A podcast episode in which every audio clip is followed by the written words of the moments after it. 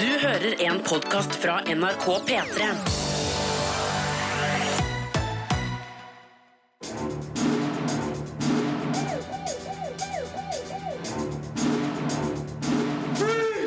Filmpolitiet! What's your name, dude? Birger Vestmo. What kind of stupid name is that? Velkommen til en ny podkast fra Filmpolitiet, som i dag skal handle om følgende.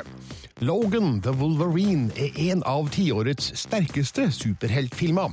Nocturama er en stillferdig, men intens thriller. Martin Scorseses Silence er et sterkt drama om Guds taushet.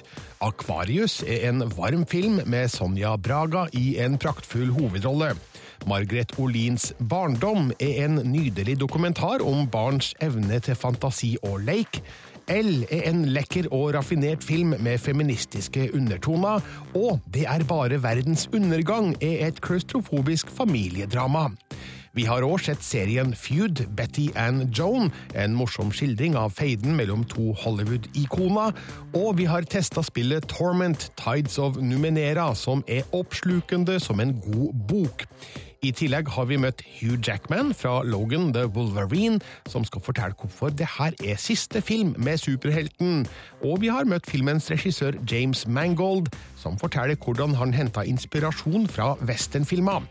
Fra Det er bare verdens undergang har vi intervjua med filmstjerna Marion Cotillard og regissør Xavier Dolan, som forteller om vanskelige familieforhold, mens skuespillerne Gaspar Uliel, Lea Seydoux og Natalie Bay avslører hvordan det er å spille for en så ung regissør som Xavier Dolan.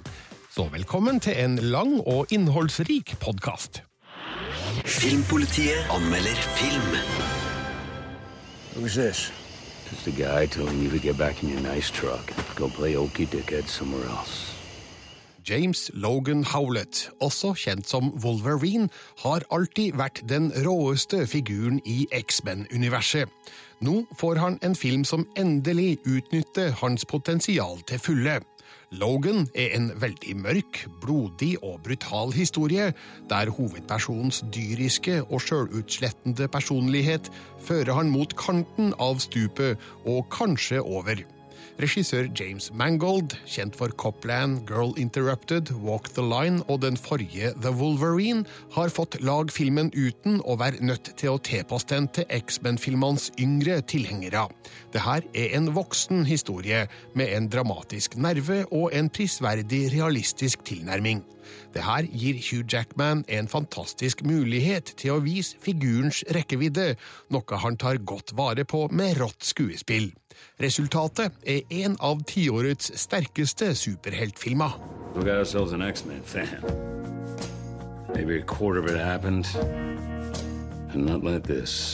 Året er 2029, og formkurven er dalende, både for en sliten Logan, spilt av Hugh Jackman, og hans aldrende mentor Charles Xavier, spilt av Patrick Stewart.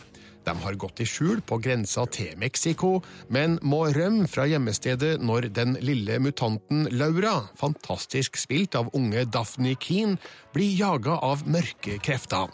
De legger ut på en farlig reise gjennom USA mot et trygt sted for mutanter som kanskje ikke finnes. You know you that, right? Not okay!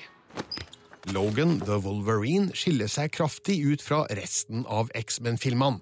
Mens de fleste av dem har vært forholdsvis glatte og effektdrevne, har denne et langt råere uttrykk med en sterkere nerve. Filmen er full av voldsom action av den mer jordnære og håndfaste varianten. Forfølgelsesscenene der mutantene har Pierce, spilt av Boyd Holbrook, og hans hær etter seg, er kjappe og kraftfulle. Handlinga får virkelig konsekvenser, og vi ser hvordan det påvirker Logan når han føler at han forårsaker blodsutgytelsene, sjøl om han ikke er direkte ansvarlig for dem. Vi ser hvordan han innbitt kjemper for Charles og Laura, det nærmeste han noen gang har kommet en familie. Dette er et tema som går som en rød tråd gjennom hele historien, og gir Logan the Wolverine en emosjonell slagkraft som overgår alt annet vi har sett fra Marvel-universet. Holy fuck. Filmpolitiet. På P3. Hugh Jackman har spilt Logan-Wolverine i totalt ni filmer i løpet av de siste 17 årene. Nå sier han at han har lagt klørne på hylla for godt. Logan the Wolverine er den siste filmen om helten fra X-Men-universet. Hugh Jackman forteller til NRKs London-korrespondent Espen Aas hvordan det var å spille inn den aller siste scenen. We shot near the end, not at the very story points. So it was an important time for me, a day for me, and it happened on a day I wasn't expecting. They said, "Oh, it was because we were um, up in the mountains and weather issues." They said, well, "We're going to shoot that scene now." Like, "Oh, okay." And we shot it, and, and we were all very happy with it. And we were about to move on because of the weather. And James Mangold, the director, came up to me and said, "I'm really happy, but I think you should just have a little longer in this moment. This has been a long time, and this is uh, your moment." So he l- just reset the cameras, and uh, I lay down on that stump of that tree for about another half hour, and that was a really it was, felt like it was just a gift for me. Do you know what I mean? I have no idea which take he used in the end, but it was a it was a great gift, and I felt kind of it felt calm, weirdly calm, not unlike the character was feeling. I suppose when you make a decision that feels right, um, all the noise in your head starts to just die down, and it just felt calm.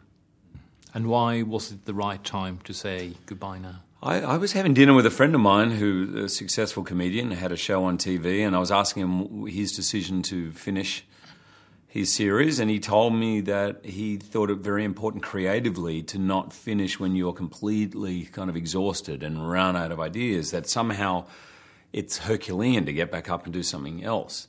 That if you leave something, it's kind of like a party. If you leave at one in the morning, the next day is a lot better than if you leave at five in the morning. Not dissimilar for creativity. So as soon as he was telling me that, I was like, yeah, this is it. And uh, I, I wasn't 100% sure what to do, but as soon as I had the idea for this movie, which is very different from all the other movies, I was not interested in doing anything else. And I said that to the studio. I said, listen, I understand if you don't want to make this movie, and I'm happy to move on, but it's kind of this, or you do it without me, kind of thing. And they said yes immediately. And it is, as you say, very different. It's very dark, uh, and perhaps more about getting old, being a human being, rather than being a superhuman being. Exactly, yeah. Uh, how is that different for an actor to, to get into it's that heaven. role rather than? It's heaven. It's like I never in my wildest dreams thought I would be in a superhero movie playing. Like, I mean, you know, when I was at drama school, that's not what people like. This guy's going to be the next Wolverine, right? So, but from the moment I read this character, it didn't read to me like a superhero. Yes, he had claws and healing ability, but he seemed more defined by his humanity, by his flaws, by uh, everything that was tasty for an actor. And I just never felt we had the opportunity fully to explore that um, for whatever reason. I'm, I, I'm proud of those movies, and I don't. I'm not denouncing them in any way, but this is more an expression of what I felt deep down was possible in this character. That it was a real story, that, uh, a real human, real challenges, re- real fears, um, real battles, not overly sentimental, just uh, more true to real life. And seeing yourself as old and Right. worn out as uh, Wolverine is here. How's that? It was good. It's fun. Um, I'd like to say it took hours to make me look like that, but it didn't really. No, a lot of it there was no acting required. You know, just wake up and go to set. You know, it, no, I think it's great. I'm I'm not particularly a person who's worried about aging or not yet. Anyway, no midlife crisis yet. Maybe that's to come, but. I honestly see that movie and I see that character. It's emotional for me because it's a 17 year journey. But I love that character perhaps more than ever before. I've sort of. The older I get and having kids, I somehow am more patient and more empathetic to the battles people face. And I think when I, they behave badly or they're cold, I naturally start to think, hmm, what's, what battles is that person? What makes them like that? And Logan is the epitome of that, the hardest shell possible. And I'm just intrigued, and in this movie, you get to see what's underneath it. Det sa Hugh Jackman om Logan the Wolverine, der han altså får gå dypere inn i tittelfiguren enn han har hatt mulighet til i de andre filmene. Jackman ble intervjua av NRKs London-korrespondent Espen Aas, som òg har møtt filmens regissør. James Mangold er kjent for mer dramabaserte filmer, som Copland, Girl Interrupted og Walk the Line. Han regisserte òg den forrige Logan-filmen i 2013, som bare het The Wolverine. Nå er han med på å avslutte hele historien om Logan og professor Charles Xavier, og har det her å si om det. Well, I think that in many ways, to me, the idea of bringing uh, the story to a close for these characters was about um, was less about it being the end and more about trying to make something great. If we were going to honor these characters and these amazing performances these men have offered in these characters, I think that we needed to do something interesting.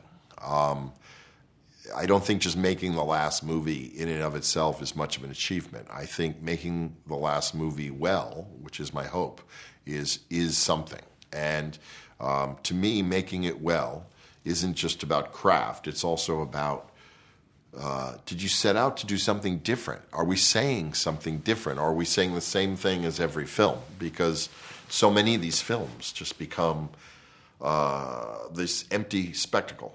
You know, uh, screaming and yelling and loud noises and expensive visual effects. But I find myself watching them sometimes, despite how much the film has cost, and I'm like, I'm just, I'm, um, why? Why am I falling asleep? Because I don't care. Because I don't care about the characters. So, um, my first goal, I thought the greatest way I could honor these characters would be to make sure that as a first priority, over spectacle, over dazzle, over slickness, over or anything else that we cared. And I hope I hope we managed to do it. And at what point was it decided for this to be the last movie uh, for the two? Oh, we knew going in that, that that was part of what we were up to as we were making the last film, as we were writing it. I think when anyone sees the film, it'll be pretty clear we knew it was the last film. And is this also the end for you when it comes to the X Men saga? Well, um, I would never say no to anything. Um, I don't see it as a saga in the sense that I, I like to make even the last film I made. I like to make standalone films. I don't like to make films that are part of some kind of uh, very expensive episodic TV show, essentially on the movie screen. Um, I want to make a movie that has a beginning, middle, and end. A movie that an, that anyone could come see, and they don't have to see other movies first. Um, they don't. They it, the movie works on its own, um, under its own power, um, and under those guidelines, I could surely make another X Men movie if something attracted me. But the reality for me would be. What are we doing that's original? Or are we just making another movie about saving the world from some freak show villain? Because that, not appealing. What did you like about this film then? I mean, compared to like the first Logan or Wolverine film, it's it's so much. Well, I, I, I, I don't want to spend my time putting down other movies in specific, but I will say that what I love and am very proud about of this movie is that it's built from the ground up on character. That we, you- the story drive, the story engine, the momentum in the film is not coming from pressure of, of, of the world's worst villains. It's coming from the interactions of these characters with each other. Um, in many ways, it's a more fragile balance to get right, but something I'm very uh, even more comfortable with, um, given you know my background making Copland, 310 to Yuma, Girl Interrupted, Walk the Line. These are all movies that begin and end functioning on character. And any big inspiration for sort of how you saw Logan to be before you sort of started shooting? Before I started shooting, many great westerns, Clint Eastwood movies, Dirty Harry films, uh, uh, Unforgiven, um, Shane, obviously, um, westerns in general. Um, I, um, I, for me, the the uh, the inspiration was essentially finding a character-based story. Um, you know, Wolverine. He's not frightened of much. He's not frightened of dying. He's not frightened of villains. He's not frightened of the world ending. the only thing that I see consistently that Wolverine is frightened of is love. So, in a way, we made a film about family. It's not about saving a country or a planet or a city from falling. It's just about the intricacies and complexities of love and loss and family. Det sa regissør James Mangold om tematikken i Logan the Wolverine og inspirasjonen han henta fra westernfilma. Resultatet er fantastisk, så her er det bare å komme seg på kino. Intervjuene med Hugh Jackman og James Mangold ble gjort av NRKs London-korrespondent Espen Aas. Filmpolitiet. Filmpolitiet. Les mer om film, spill og serier på p3.no Filmpolitiet. Nå skal det handle om én av eh, dagens tre franskspråklige premierefilmer. Eh, Den har eh, et eh, ubehagelig tema, for Nocturama er nemlig en stillferdig, men intens thriller om et terrorangrep i Paris. Den blir anmeldt av Marte Hedenstad. Filmpolitiet anmelder film. Jeg crois qu'on va se faire choper C'est impossible. Den franske filmskaperen Bertrand Bonello forteller en historie om opprørsk ungdom i Nocturama. Filmen følger en gjeng med unge mennesker som planlegger en rekke angrep i Paris. Dette er en stilistisk og interessant skildring av en terrorhandling. Men filmen går aldri ned i materien på hvilke motiv som ligger bak. Nocturama begynner i stillhet på metroen. En gruppe unge mennesker, helt tydelig fra ulik sosial bakgrunn, er på vei et sted. De snakker ikke sammen, men vi ser ut ifra blikkene de sender til hverandre, at de er i samme båt. Kameraet følger alltid én rollefigur av gangen, og vi får se de samme tidspunktene og scenene flere ganger fra ulikt perspektiv. Dette er en effektiv spenningsbygger, og stillheten i starten av filmen skaper også en intens atmosfære. Vi forstår at et angrep er i ferd med å skje. De. De unge skuespillerne i filmen er troverdige i sine roller, men Bertrand Bonnelot gir dem ikke muligheten til å si noe om hvorfor de gjør som de gjør. Hva er det som driver disse unge menneskene? Det er provoserende at Bonnelot ikke gir oss noe svar. Etter at angrepene er utført, gjemmer ungdommene seg på et kjøpesenter midt i Paris etter stengetid. Og her mister filmen noe av nerven. Natta kjennes lang for ungdommene som venter i et slags vakuum før de kan gå ut. Og det er nok helt bevisst at Bonnelot lar oss kjenne på ungdommenes frustrasjon, men her blir filmen for langtrukken for min del. Det er umulig å ikke tenke på fjorårets terrorangrep i Paris når man ser Nocturama. Selv om Bonelot skrev manuset allerede i 2011, så er det ikke til å unngå at Bataclan-angrepet preger måten vi ser filmen på. Det er noe av grunnen til at det er så provoserende at Bertrand Bonelot går såpass overfladisk til verks. Sett bort ifra dette er Bonelots film likevel en spennende skildring av et nøye planlagt angrep mot den franske stat. Filmens første halvdel er knallgod, men det holder dessverre ikke hele veien inn til mål. Faut stikke, calme.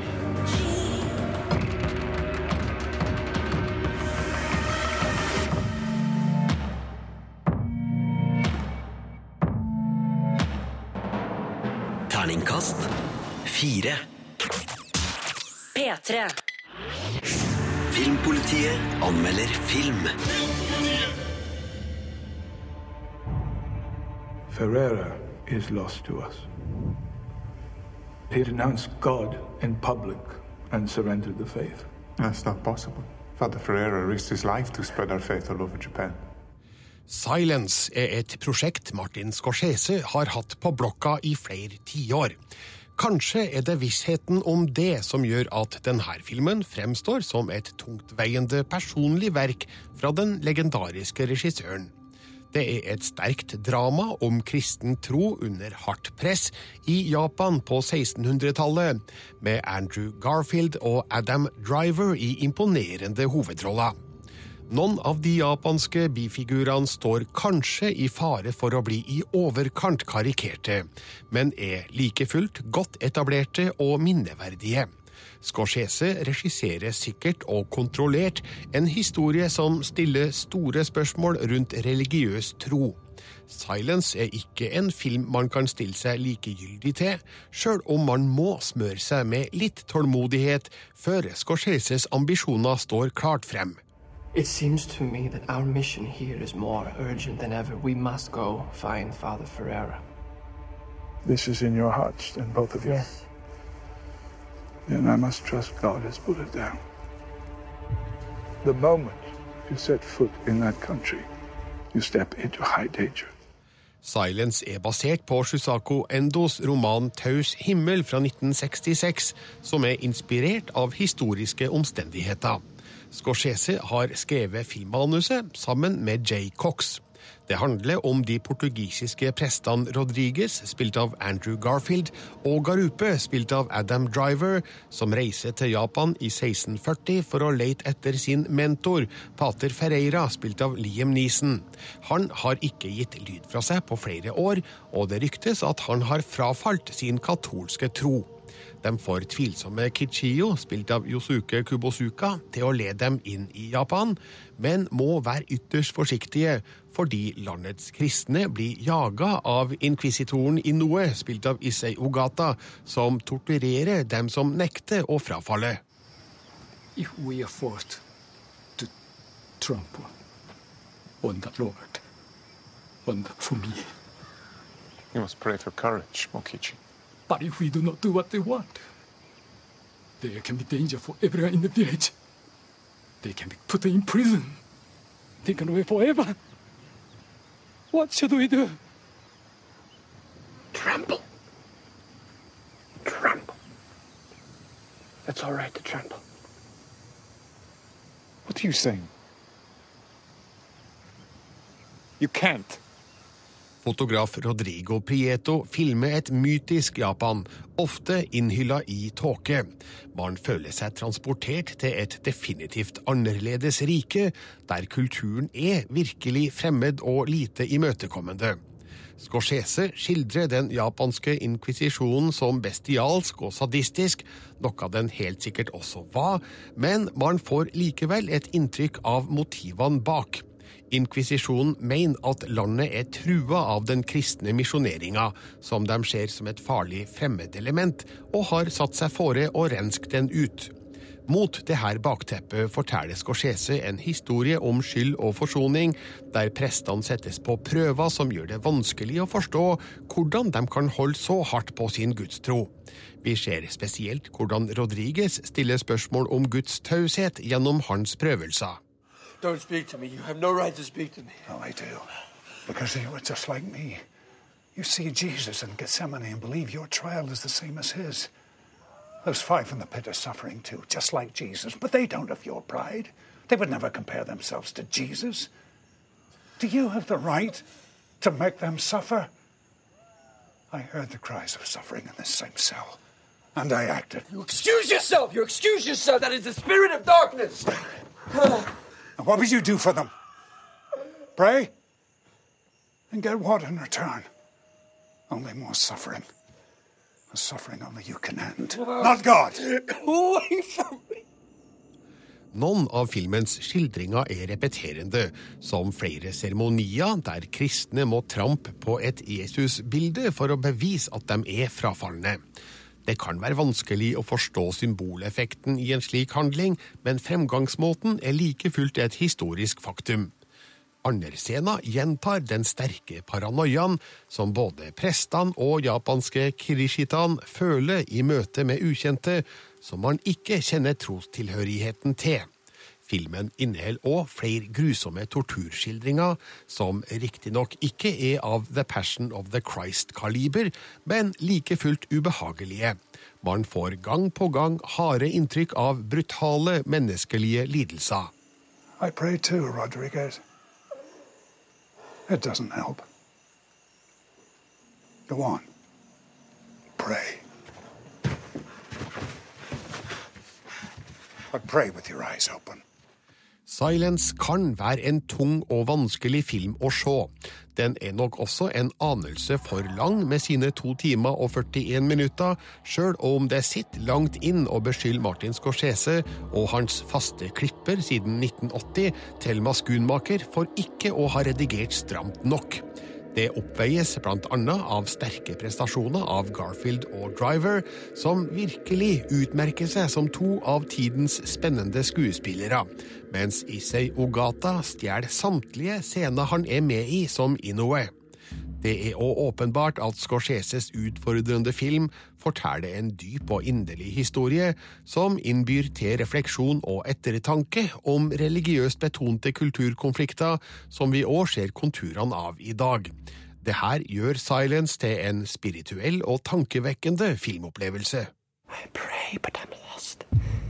Am I just praying to silence? Terningkast fem. Filmpolitiet anmelder film. Qual a proposta deles? Ah, não sei, eu rasguei o envelope. Você rasgou? Rollen som Clara i den brasilianske filmen Aquarius er av typen en skuespiller kan gå og vente på gjennom en hel karriere. Sonja Braga kaster ikke bort muligheten og presterer et fullendt portrett av en aldrende kvinne med et tydelig levd liv bak seg. Kleber Fillo har skrevet og regissert en rik og varm film med en stemningsfull miljøskildring og et rikt spekter av interessante figurer. Historiens konflikt får kanskje en litt for brå konklusjon, men Aquarius er et godt fortalt drama som heves av Sonja Bragas kraftprestasjon i hovedrollen. Você está certíssima. Será que não existe nenhuma medida judicial para fazer essas pessoas pararem de me encher o saco, não? Mas eles chegaram lá, bateram a porta, pediram para falar com você. Não tem nada de, de ilegal. Historien er delt opp i tre kapitler.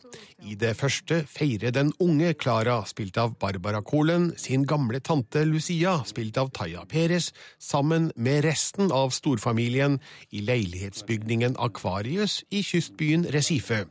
I det neste ser vi hvordan den gamle Klara, spilt av Sonja Braga, bor alene i den samme leiligheten, og hvordan livet hennes har forandra seg gjennom årene som har gått. Hun er enke, men fremdeles et sentralt midtpunkt for sine tre barn og andre familiemedlemmer. Det siste kapittelet skildrer Klaras kamp mot eiendomsselskapet, som har kjøpt alle de andre leilighetene i bygningen hun bor i, og forsøker å tvinge også hun til å selge sin, fordi de vil rive alt og bygge nytt. Gjennom alle kapitlene blir det trukket lange linjer om håp, savn, kjærlighet og familie, altså sjølve livets gang, både i fortid, nåtid og fremtid. A viúva do seu pai aqui sou eu, não é você não, viu? Difícil, né? Mas é a vida. Você vai ter que se acostumar. Sonja Bragas innsats i hovedrollen kan knapt overvurderes. Hun formidler Klaras stolthet og sårbarhet med et uttrykksfullt ansikt prega av et liv fylt av gleder og sorger. Hun fremstår som et ekte menneske som både kan bite fra seg når det trengs, men også trekke seg tilbake når usikkerheten melder seg. Det gjør inntrykk å se hennes kamp mot eiendomsselskapet, som forsøker å overtale hun til å selge leiligheten med mer eller mindre ufine midler. En lei situasjon som forplanter seg til andre deler av hennes hverdag. Det er òg bevegende når vi ser hun våge på andre fronter, som for eksempel en forsiktig flørt med en enkemann som går i oppløsning når hennes brystoperasjon blir åpenbar. Braga spiller overlegent godt i alle aspekter ved rollen, og gjør Clara til en figur som slett ikke er perfekt, men i høyeste grad troverdig. Nós três ficamos preocupados com a senhora sozinha num apartamento num prédio fantasma. Prédio o Ana Paula? Prédio fantasma? Regissør Kleber Filo bruker smarte grep for å illustrere tidas gang. Den unge Klara har kort hår etter en kreftbehandling. Når vi først møter den gamle Klara, er hennes lange, fyldige hår et tydelig tegn på kampen hun har vunnet, og tida som har gått. Hennes vinylsamling er et bindeledd mellom fortid og nåtid, med høy avspilling av Queen-låta som noen av høydepunktene. Et møbel i leiligheten brukes òg som en bestandig kulisse gjennom flere tidsskildringer, både i 1940, 1980 og 2014. Akvarius føles som en varm og nostalgisk skildring av hva som har vært viktig i Klaras liv, og hvordan det her fremdeles påvirker hennes valg. Det er med på å forklare hennes standhaftighet når leiligheten hennes står i fare. Hun har hele livet sitt knytta til denne boligen. Å ta farvel med den ville ha vært som å ta farvel med alle minnene. No Brasil, de Porque hoje onde em é que dia, elas com moram, essa sua mãe, sua elas avó? moram exatamente no lugar que a senhora deveria morar. Olha, no não, edifício eu com não estrutura, vou, no eu não com vou nem dizer o que eu Deixa tô pensando, entendeu? Porque isso me leva a pensar onde é que a sua mãe mora. Você vai me desculpar. Sou uma pessoa educada, mas Tá você certo. realmente me tira do Tá sério. certo, tá certo. Eu acho que aqui não tem mais condições. Akvarius bruker god tid på å fortelle historien, men de to timene og 22 minuttene flyr av sted. Faktisk burde filmen kanskje ha vart enda litt lenger, for den får det tilsynelatende litt for travelt med avslutninga. Konflikten med eiendomsselskapet kulminerer med en scene der vi ser hvordan Klara kjemper tilbake med stahet og besluttsomhet. Konklusjonen kommer for raskt, og et etterspill savnes. Likevel er Akvarius et godt fortalt og særdeles velspilt drama. Jeg har ikke sett mange av Sonja Bragas filmer, men hun gjør sannsynligvis en av sin karrieres beste roller her. Agora tem gente que não pensa assim. É. É. Os seus filhos, por Não fala do meu filho. De nenhum deles. Cala sua boca. Não fala dos meus filhos. Terningkast fem. Ukas norske kinopremiere er dokumentaren Barndom. Den anmeldes av Marte Hedenstad. Filmpolitiet anmelder film.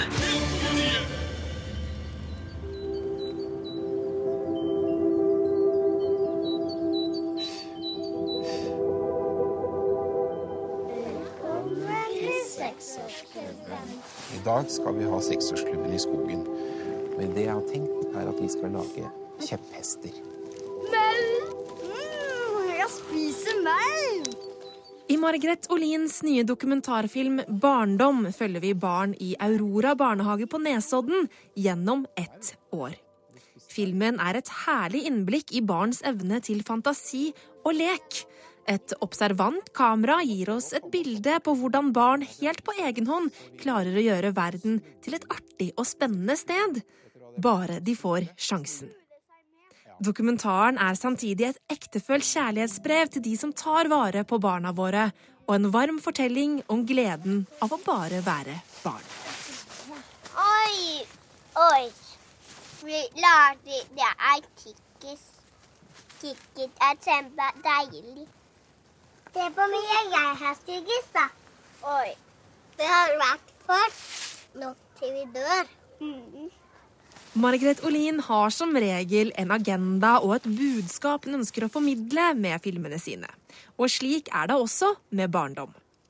Filmskaperen har tidligere uttalt at hun håper å vise filmen for kunnskapsminister Torbjørn Røe Isaksen for å sette fokus på det hun mener er et for stort læringspress på barna i skolen. Barndom er imidlertid en observerende dokumentar, der dokumentaristen er fullstendig fraværende.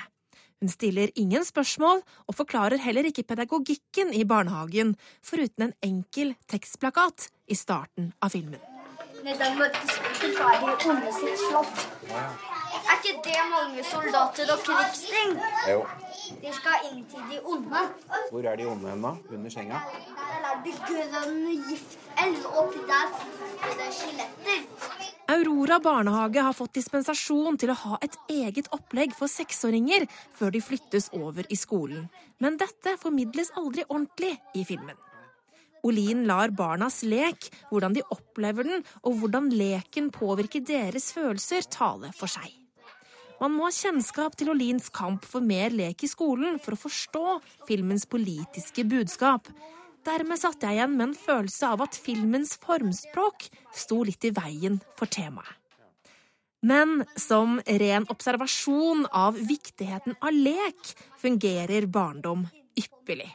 Det er morsomt og flott å få være flue på veggen og få et innblikk i hvordan verden ser ut gjennom barnas øyne.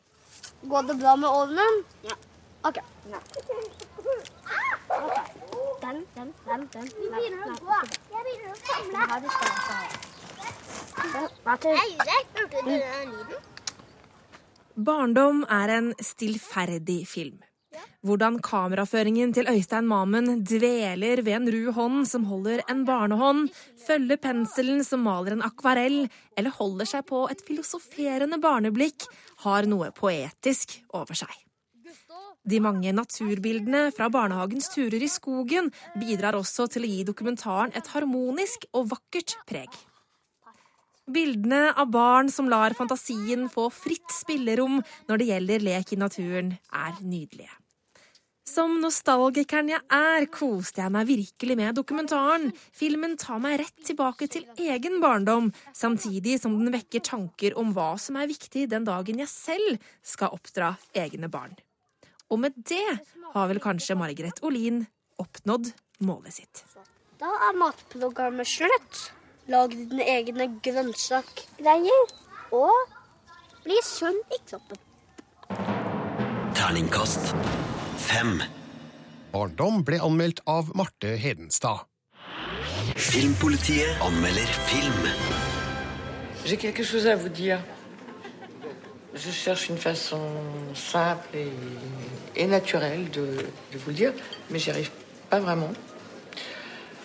Alors, euh, voilà, j'ai été agressée chez moi. Je crois que j'ai été violée. Violée?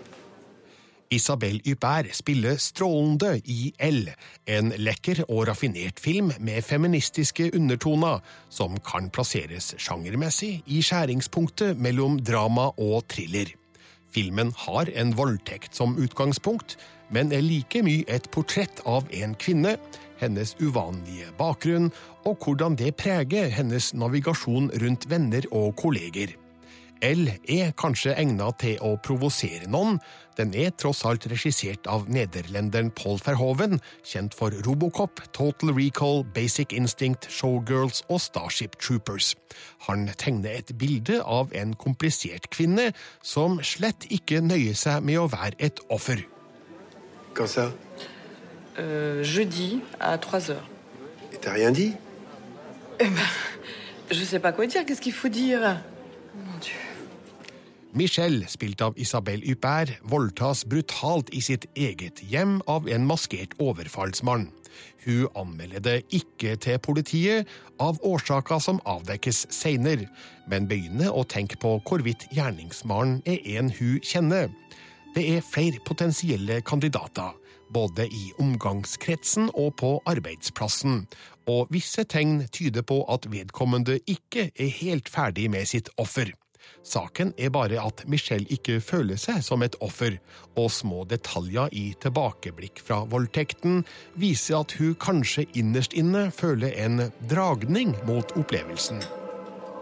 Soit maudit, qu'il soit damné, ferme le livre, sonne la cloche, éteins la bougie.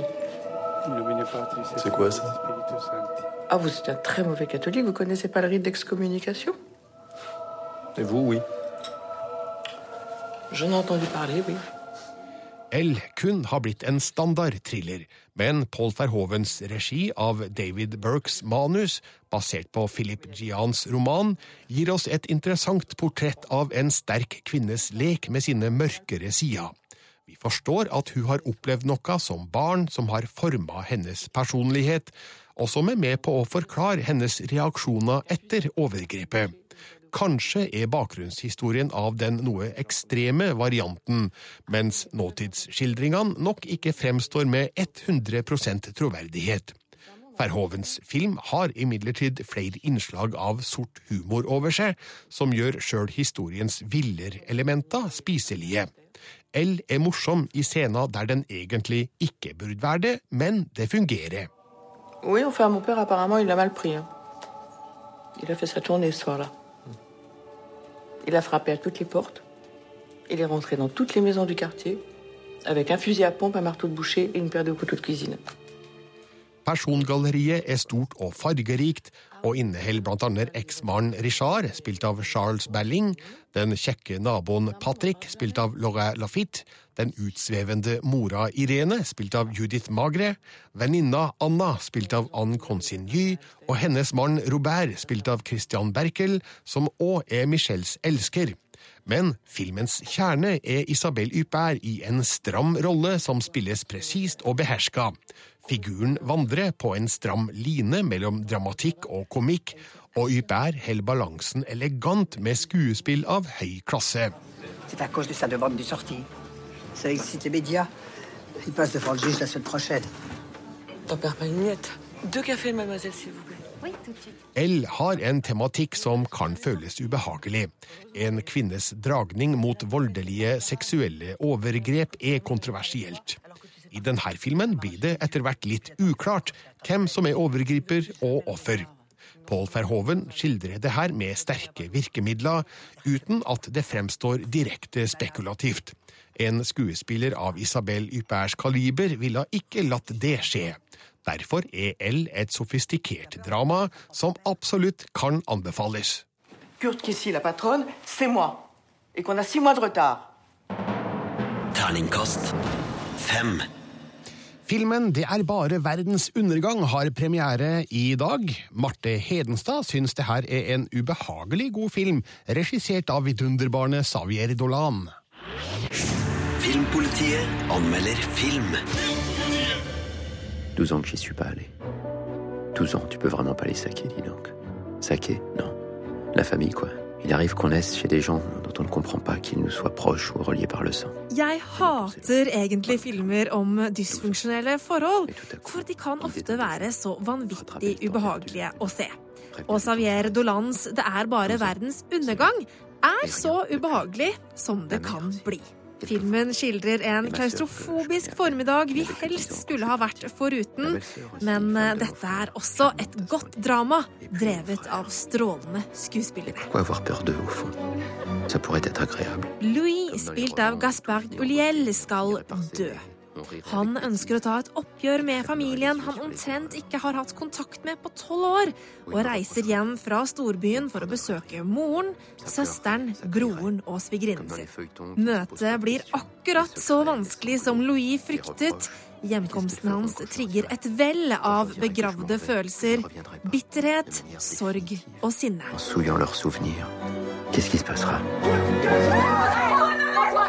Det er bare verdens undergang er basert på teaterstykket av Jean-Luc Lagarce.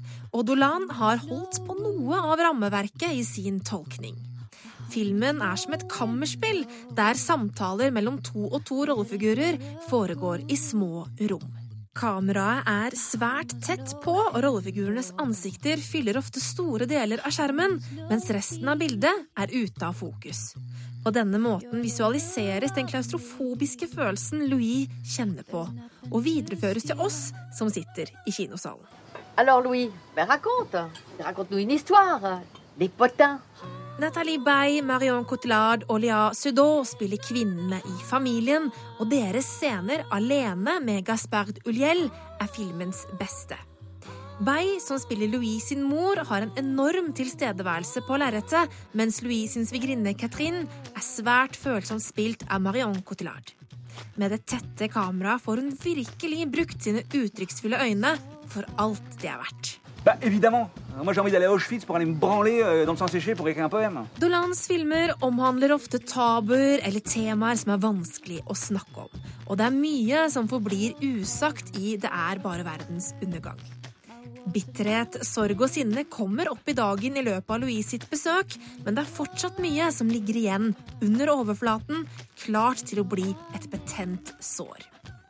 Dette er altså ingen behagelig filmopplevelse, men Xavier Dolan har i sin nette alder av 28 år laget nok en god film. Imprévisible. Et pourtant, ce n'est qu'un déjeuner en famille.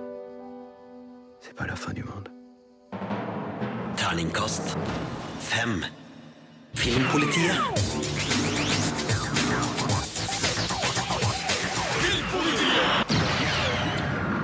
Den franske filmstjerna Marion Cotillard er kjent fra filmer som La vie en rose, Inception og The Dark Night Rises. Den unge canadieren Xavier Dolan har gjort seg bemerka med filmer som Lawrence Anyways, Mamma, og nå med Det er bare verdens undergang. Sistnevnte handler altså om en ung mann som reiser tilbake til familien sin for å gi dem en alvorlig beskjed, men blir møtt med en uventa aggressiv holdning fra flere familiemedlemmer. Xavier Dolan vant juryprisen for filmen på fjorårets Cannes-festival. To dager før det skjedde, møtte både Dolan og Cotillard, og spurte først regissøren om filmens utgangspunkt, som var et skuespill. Well, um, I guess it just really touched me, and uh, I loved how the characters were uh, human beings with uh, flaws, and and, uh, and I, I thought this would be the, the I thought the texture of these characters and the all the complexity and the contrast of these characters would provide actors with a very nice, a very maybe hopefully a very inspiring vehicle to get inspired and, and act, because this is an actor's movie, uh, obviously.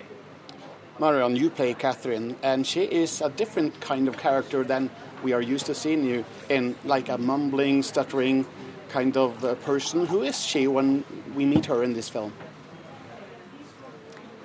She's a wife who wants to protect um, her family. Um, she wants to protect her man from himself. And at the same time, she's very, very moved by what's happening that day.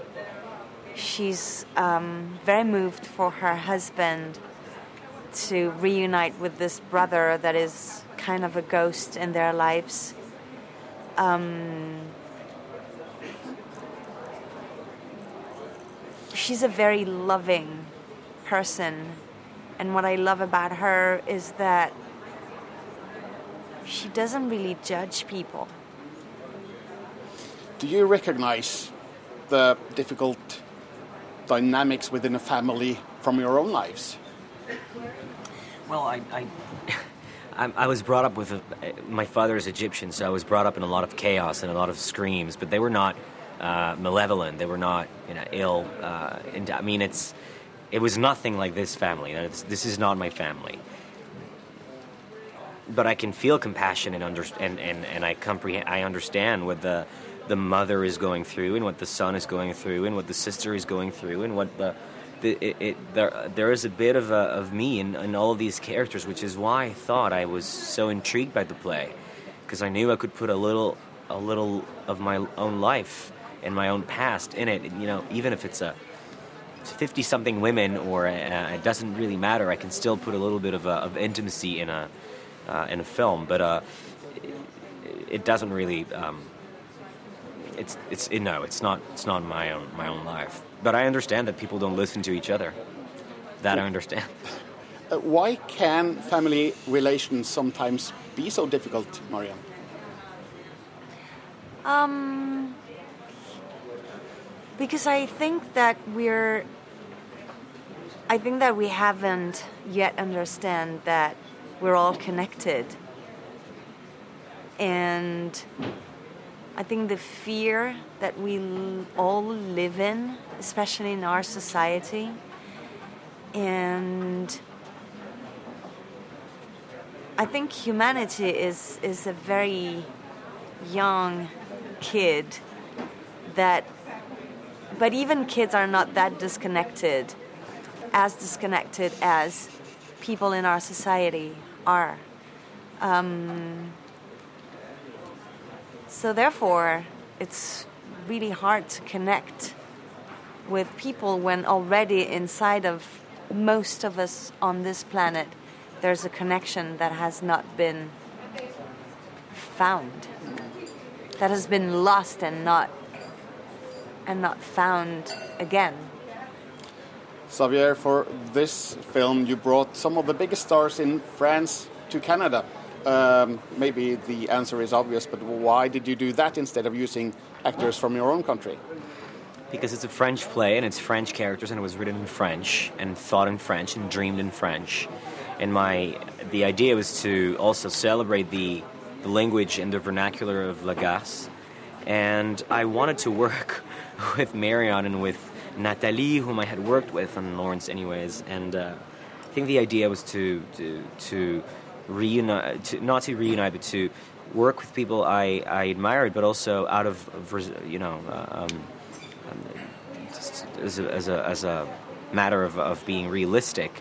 The I, I don't think it would have made much sense to, to ask Quebec actors to have that fake French accent. It, it would have been very um, fake, I think. Uh, but I never asked myself that question because I wrote the parts for, for them in the first place. So I, I never had that own that, that debate with myself, that dilemma. Det sa regissør Xavier Dolan. Du hørte også skuespiller Marion Cotillard snakke om filmen Det er bare verdens undergang. Rollen som den hjemvendte sønnen i filmen spilles av Gaspar Uliel, fransk filmstjerne som du kanskje har sett i Ulvenes klan, En langvarig forlovelse, Hannibal Rising og Paris Je. Jeg møtte Uliel i Cannes og spurte hvorfor han ville ha jobb sammen med den unge regissøren Xavier Dolan. He could be 60, 50, 20, uh, that's all the same. You know, as long as you have so much respect for uh, somebody's work, you know, there's this uh, hi- hierarchy that naturally uh, uh, happens on set, and and uh, and secretly, I was hoping that one day I would end up working with this man. You know, because obviously he wasn't one of the most talented and and most influential and interesting director of, uh, of his time, I think. Uh,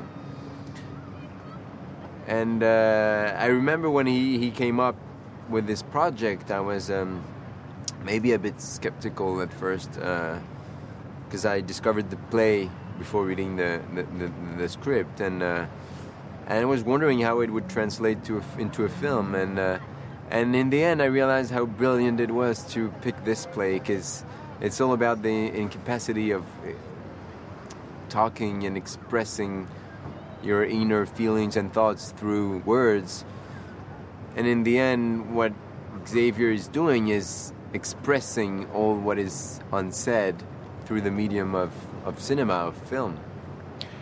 Can you relate to the difficulties of communicating communicating within a family from your own experience? Of course, I think each of us can. It, it, it, that's what makes this film so powerful. It's that it echoes to so many things inside each of us. And I realized this yesterday after the screening when all those people came came up to me talking about the film. They were all really moved because it was it was making sense, you know, uh, relating to different things inside their own personal uh, lives, stories, and and they were all talking about different scenes. So I think it, it works on, on on each of us.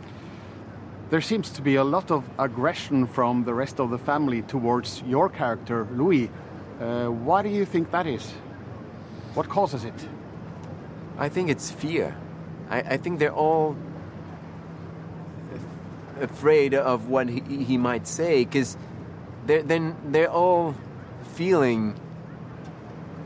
It's like if they all already knew why he's coming back. You know, it's it's it's something that qui transpire. Um, it transpires through every pore, uh, every hole of his skin. You know, so so they're all talking, talking, talking all the time because they don't want to leave any space for him to announce why he came back. So, so yeah, I, I think it's all about fear. In the beginning of the film, we learned that Louis is returning after 12 years. Um, why? What do you think his motivations are for returning after so long? Well, I think it's about, you know, someone who's inevitably walking towards imminent death, and so at some point you need to try to re- reassemble uh, parts of your life. You know, it's it's a retrospection. Can you say this? It's kind of a long journey trying to recollect moments of your life and put them together in order to try to find some incoherence.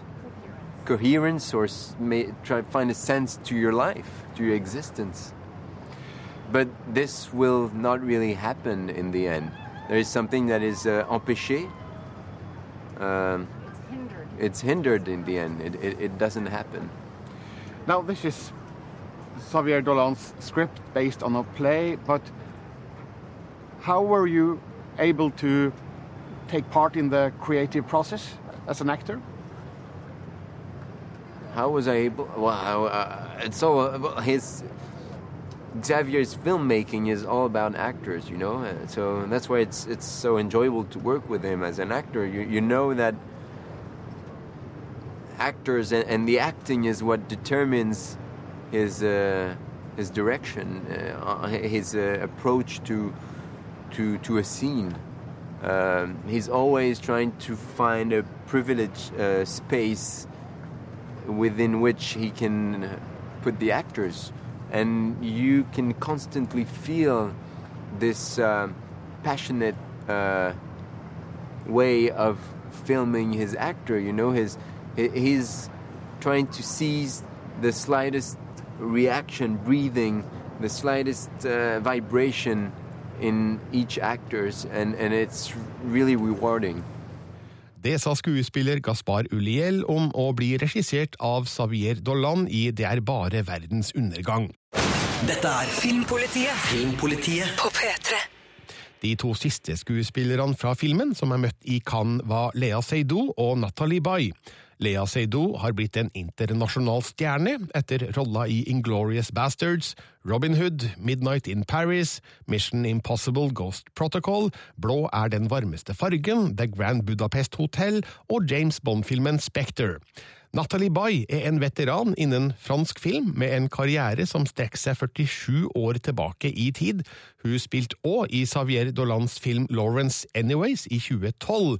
Jeg spurte Baye om hvordan hun føler han har utvikla seg som regissør siden den gang. You know, even when he was when for Lawrence anyways, he was uh, 23, and uh, even he was already with no age. You know, he could be. He, he was 23, but uh, if somebody told me he's, uh, he's 40 years old, say he's looking very young for 40 years old. But you know, he has the the, the uh, mental. You know, he's he's so strong, so incredible. He's still a very young man, but he has no age, and his uh, his talent was already there. So of course, with the experience, he's more strong suddenly, but uh, he's uh, like an ovni. You know, he's uh, he's incredible. Lea, why did you find it attractive to work with Xavier on this film? because he's a great artist and he's so bright, so um, intelligent, so um, so free, and I mean he's he has all the qualities, you know. That, Is it easier for you to work with a director who is also an actor? No, it's it's it's very good. I mean, it's very The it's- communication- It's, yeah, the the communication communication is is- very fluid, and uh, Yeah. and it's it's so nice because when you act, he's with you. You know, he acts with you. He's he he laughs with you. He cries with you, and so it's very uh, it gives you energy. You know, and he's, it's very stimulating to to to have him besides you. The theme of the film is about the lack of communication within a family. Can can you in a ways relate to that from your own experiences? Of course, of course, because we All- all have problems, you know, with Yeah. our family. It's the, the miscommunication is something that you. I mean, Sometimes it's wonderful, sometimes it's, uh, it's difficult. It's uh, it's life. It's it's and it and it and it's very intense because you don't choose your family. In the film, we see in the beginning that uh, Louis returns home after 12 years and is met by a lot of aggression from um, some of the family members. Uh, how do you explain that? Where does that come But from? th- th- Suddenly there is a kind of uh, jalousie, comment on dit? uh, Jealousy. jal- jealousy because, you know, he's famous, he has success, and, uh, and he was away and for 12 years. So they, they feel shy, happy, uh, jealous maybe, and uh, everything is very uh, tense, you know. the situation is very special. The script is written by Xavier Dolan based on a play, uh, but uh, were you able to take part in the creative process as actresses? No, because he knows what he, he already has his film in his head. His head, so uh, he, Yeah. he, the costu- he designs the cos- costumes and uh, the, the, Does the music. He already has the music before the shooting. He, you know, he he's the real master. Uh, so no, you just have to trust him. The cast, uh, including the two of you, are among the biggest names in, in France. When this group gets together, is it a battle of egos or do you Not at actually not at all. cooperate? No, because because I think that we don't. I mean, we don't care. We're not. No, like- no, we first of are all- beyond that. You yeah. know, we're not like. Uh, and don't- uh, we had no time to do something like that. You know, I mean, we're Yeah. professionals. You know, Yeah, we're not we like. Uh, You, we were all of them were very happy to, to, to work with, with Xavier, and uh, we had we, we had only one week when Xavier w- had everybody all together. So we were there to to help and to give a lot to Xavier, and uh, that's all, and have pleasure too.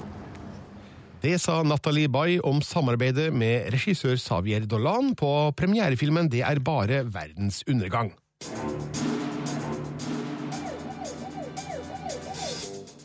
Så langt i Filmpolitiet har det handla om premierefilma. premierefilmer. Nå skal vi over i eh, spillenes verden.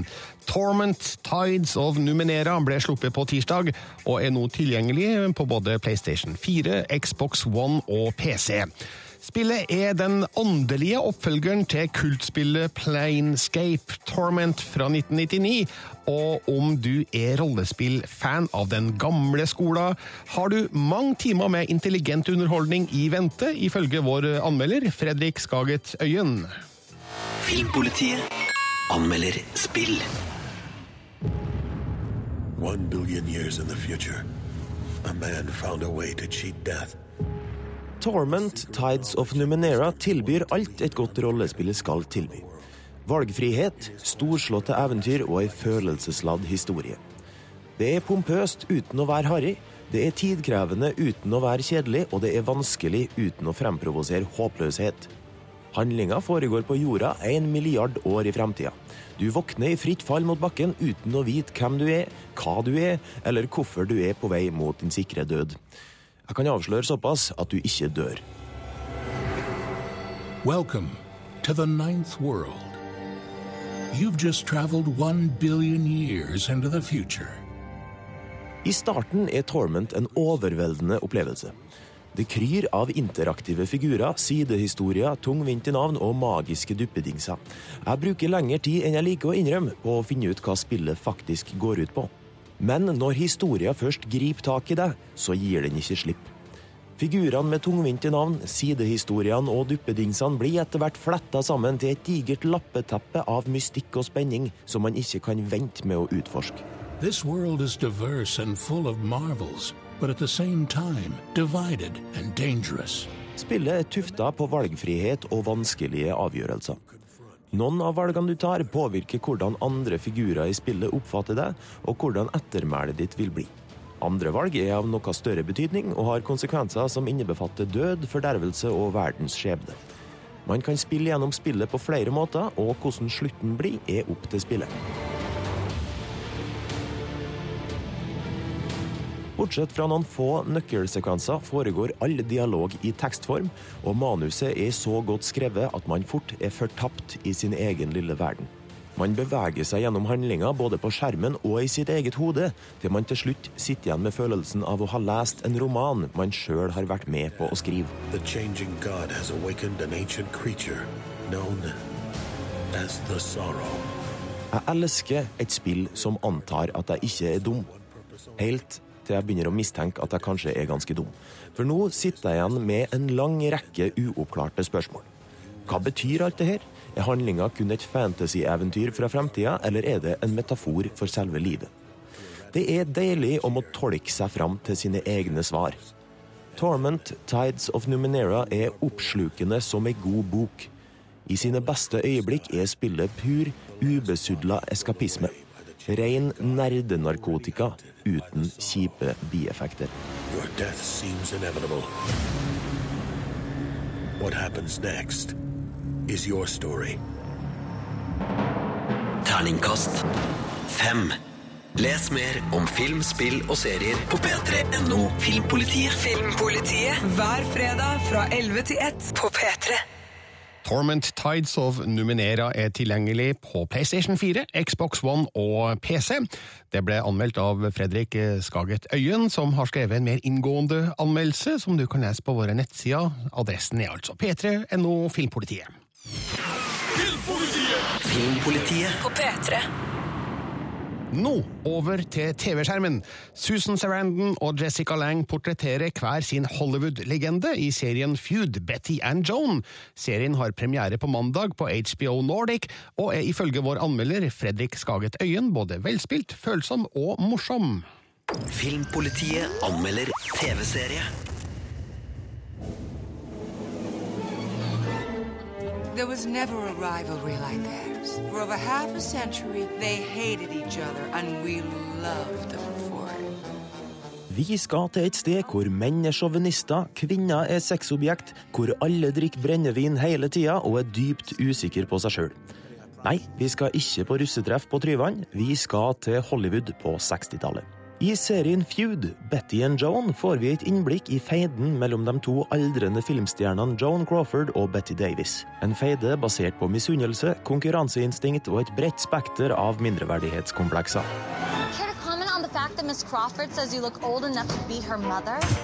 Det er historien om to kvinner som har latt seg definere av skjønnhet, men når fasaden rakner, blir vi kjent med menneskene bak.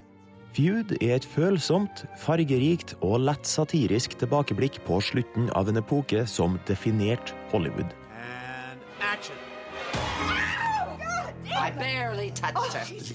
Crawford og Davis var store stjerner og bitre rivaler i flere tiår. I et forsøk på å gjenskape gammel storhet blir de gamle fiendene enige om å samarbeide. Handlinga i Feud tar utgangspunkt i den turbulente innspillinga av filmen Whatever Happened to Baby Jane. Lose the shoulder pads. I beg your pardon. And cut back on the lipstick. You're playing a recluse who hasn't seen the sun for 20 years, for Christ's sake. Vi møter Jessica Lang som den urglamorøse Joan Crawford, og Susan Sarandon i rollen som ikoniske Betty Davis. Og det er med et lettelsens sukk at jeg lar meg imponere av hovedrolleinnehaverne. De lar aldri rolletolkningene sine gli over i parodiens verden, selv om både Davis og Crawford til tider oppfører seg som parodier av seg sjøl. Begge skuespillerne maler intense bilder av de falmende stjernenes desperate ønske om å bli akseptert, og sterke biroller fra Alfred Molina, Stanley Tucci og Jackie Hoffman bidrar til at serieuniverset føles levende og spennende. Like Crawford and Davis may be a little long in the tooth. Why don't we go just a little bit younger? You want me to work with her again? Are you crazy? Never! Det visuelle preges av kontraster. Vi ser fargerike glansbilder og realistisk skittenhet om hverandre. Kameraføringa er vekselvis statisk og flytende dynamisk. Alt underbygger tematikken om bristende fasader og Hollywood-idealets hykleri. Kulissene er gjennomarbeida og spennende. 60-tallet lever, tror jeg. Det kryr i hvert fall av stilige hatter, gamle amerikanske biler og en og annen telefon med dreieskive. Det finnes òg utbredt hverdagsalkoholisme, kjederøyking og åpenlys seksuell trakassering. Feud er altså en virkelighetstro 60-tallsfremstilling, så fremt alle mine fordommer stemmer.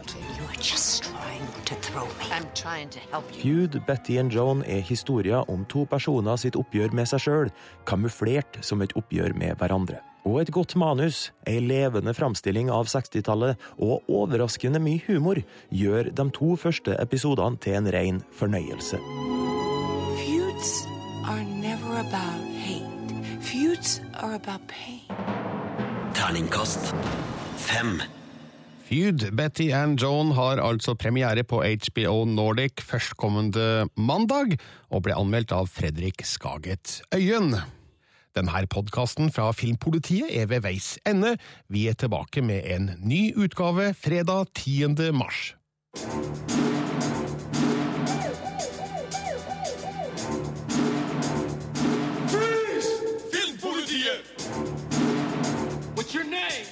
Dude? Birger Vestmo. What kind of stupid name is that? Du finner flere podkaster på p3.no podkast.